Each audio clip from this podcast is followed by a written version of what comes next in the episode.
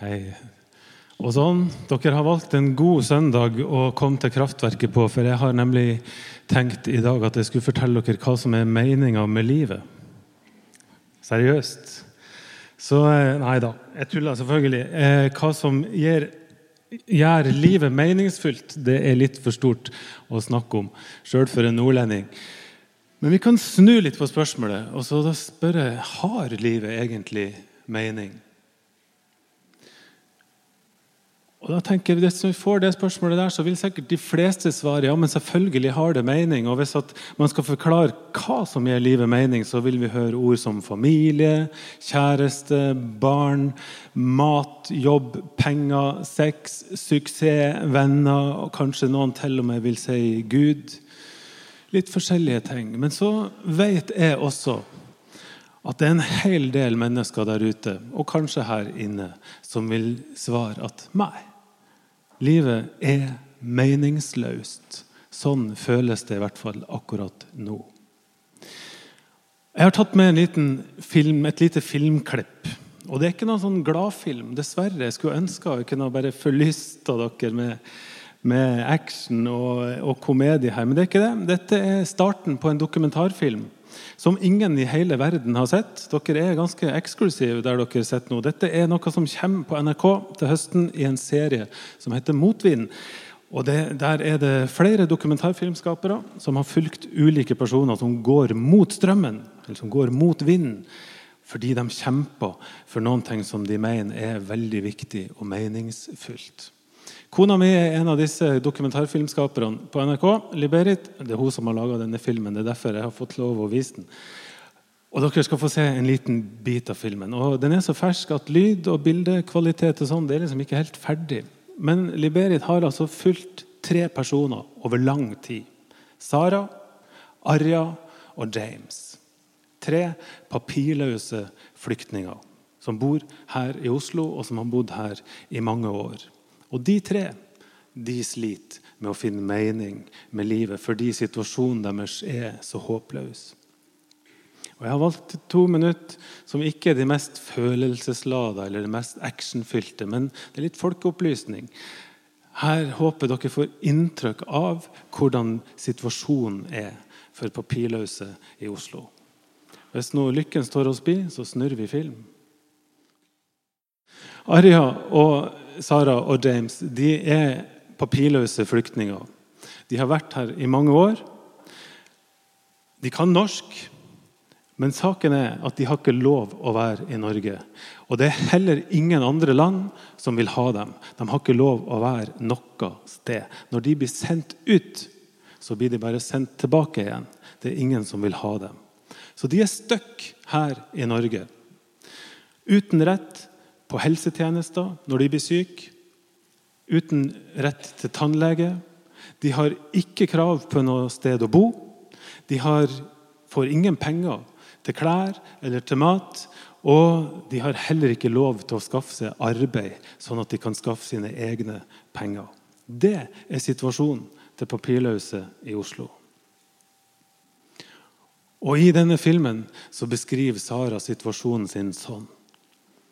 Livet mitt det er som et novembertre. Novembertre de har mista alt, og det har vi også.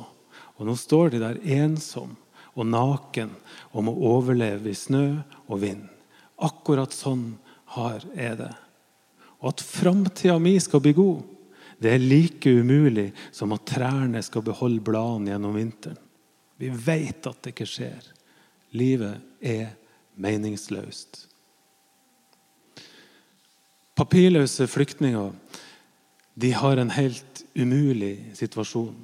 Og Sånn tenker jeg, sånn kan det være for mange mange mennesker, og for oss alle. I hvert fall kan det føles sånn en gang iblant. Det skal ikke mer til enn at kjæresten går fra oss.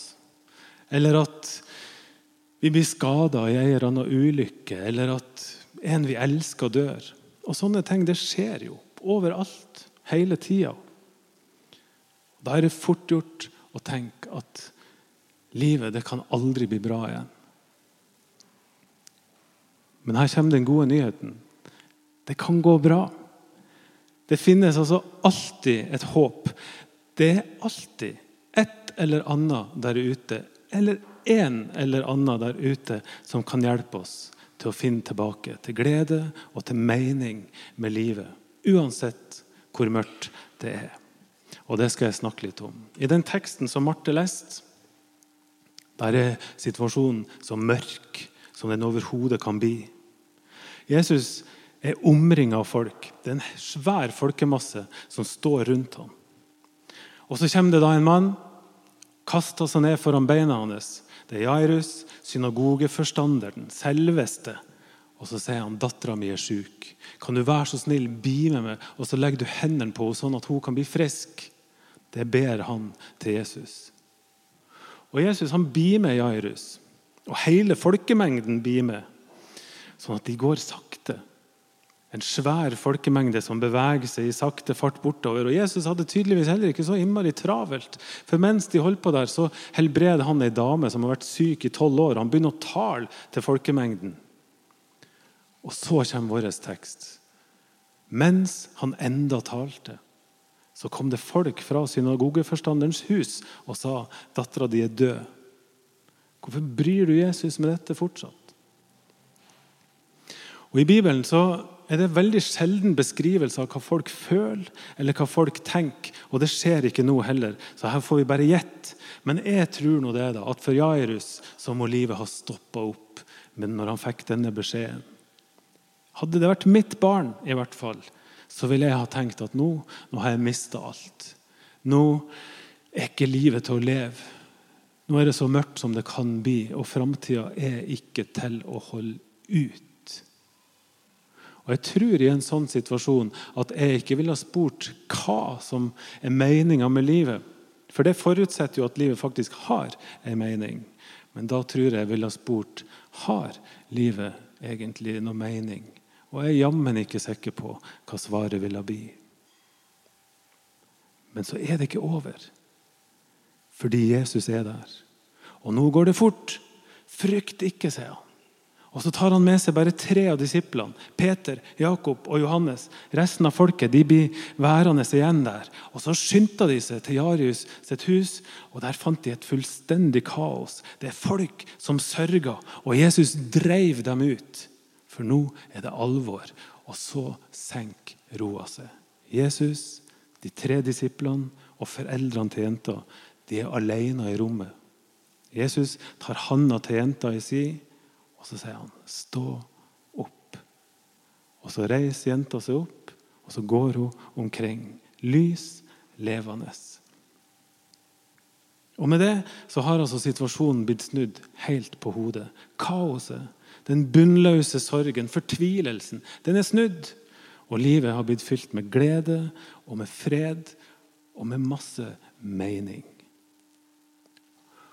Og det er Dagens opplysning da, det er at det er faktisk sånne ting Jesus driver med. Gang på gang så kan vi lese i Bibelen at han helbreda syke. At han ga verdighet og respekt til de som var fattige eller utstøtt på et eller annet vis. Han løfta fram kvinner han løfta fram barn som hadde null status på denne tida. her. Han kjempa mot urettferdighet. Så løfta han folk ut av en meningsløs tilværelse, og så ga han dem et nytt liv. Om igjen og om igjen og om igjen. Jesus drev med det. Og hvorfor gjorde han det? Hva var drivkrafta til Jesus? Husker dere spørsmålet som gudstjenesten starta med, og som, var, som de stilte til Jairus? Hvorfor bryr du Jesus med dette? Svaret er fordi Jesus bryr seg. Jesus bryr seg. Og det er drivkraften hans. Han brydde seg om alle som han møtte. Og Dagens budskap det er ganske enkelt. Det er todelt, men like enkelt først. Vi kan bry Jesus, vi som sitter her, vi kan bry Jesus med hva som helst. Hvor som helst og når som helst. Med store og små ting, med gleder og med sorger. Og vi kan være helt trygge på at Jesus bryr seg om det. Alltid og uansett. Det er det ene budskapet. Og det andre det er at hvis vi ønsker å følge Jesus, hvis vi ønsker å bli mest mulig lik han, så ligger jo lista altfor høyt. Hvis det betyr at vi skal gå rundt og vekke opp døde. Det klarer vi ikke i Nord-Norge engang. Det er det bare Jesus som får til. Men det Jesus ber oss om, det er jo ikke å vekke opp døde. Det han ber oss om, det er å bry oss. Det dere gjør mot de minste, det gjør dere mot meg, sa han en gang. Og det å bry seg, det kan jo alle klare. Jeg tror at hvis alle mennesker ber til Gud, hvis alle mennesker bryr Gud og ber Han om å få en oppriktig kjærlighet og omsorg for andre mennesker, ja, da tror jeg at verden som vi lever i, kan være et veldig, veldig meningsfylt sted å være. Har dere noen gang bedt den bønna? Om å få godhet og kjærlighet og omsorg for alle menneskene rundt dere. Det er en fin bønn å be, og tenk hvis den virker. Tilbake til Sara og til Arja og til James, som ingen av dere har sett. I starten så ser det håpløst ut. Men etter hvert som tida går, og som filmen raser framover, så møter de tre noen folk som bryr seg. Folk som går mot vinden. Helt vanlige mennesker. Riktignok så tilhører de kirka. Og disse folkene sier at vi har tro på dere. Vi har lyst til å bruke tid sammen med dere. Vi har lyst til å være vennene deres, og vi begynner jammen å bli glad i dere. Og hvis det er noen måte vi kan hjelpe dere på, ja, så er vi klar. Og Så får vi se i denne filmen da, hvordan ekte omsorg og kjærlighet fører til et gjensidig vennskap. Men vi får også se hvordan det fører til handling. De norske hjelperne de støtter økonomisk. De finner plasser å bo. De gir mat, de gir klær. De får i stand møter med politikere og organisasjoner som gjør at de kan kjempe for å løse saken til disse tre. Og så skjer det som er så ufattelig fint. Midt i denne umulige situasjonen så dukker gleden opp her og der. Og midt i dette mørket som de lever i, så får de håp, disse tre. Og så kjenner de at på nytt har livet både mening og verdi. Og i stedet for å sitte passiv og ubrukelig og umyndiggjort, sånn som de har blitt nødt til i mange år, så blir disse tre engasjert. De jobber som frivillige i kirka. De bruker masse tid i organisasjonsarbeid der de kjemper for at andre skal få det bedre. Og de er store ressurser pga. sin bakgrunn og sin historie. Men først og fremst er de store ressurser fordi de bryr seg, de også. Og Jeg er altså så glad for at Kraftverket har et arbeid for papirløse. For dere som ikke vet det, vi har det. Hver torsdag kveld så lager vi mat og bygger vennskap med noen få papirløse her i Oslo. Og Engasjementet rundt dette her, det var noe vi ble enige om forrige gang vi var på leir. at dette skal vi gjøre. Og Nå skal vi snart på leir igjen. Ikke gå glipp av det. Det var en parentes. Men, men dette engasjementet bare veller fram på denne leiren her. Og det viser at det er mange i denne kirka her som virkelig, virkelig bryr seg. Og det å hjelpe papirløse det er ikke den eneste måten å bry seg på. selvfølgelig. Men jeg tror det at vi som fellesskap og som enkeltmennesker kan ha altså så stor betydning uten at vi er nødt til å starte en masse arbeid. Men bare ved å være der vi allerede er. Hjemme blant vennene våre, familien vår, i klasserommet der vi studerer, eller på jobb, eller i bandet dere spiller i, eller på fotballaget dere spiller i, eller på Karl Johan på vei til kino. Der er vi kalt til å løfte blikket og se andre mennesker med Jesus sine øyne. Med kjærlighet og med omsorg og med inderlig medfølelse med de som har det vanskelig. Og Hvis vi gjør det, så fører det ofte til handling. Og Jeg tror at Jesus kan bruke våre handlinger som er gjort i godhet, til mye, mye mer enn det vi er i stand til å forestille oss. Jesus som lever i oss, og som lever blant oss, han kan altså forvandle død til liv.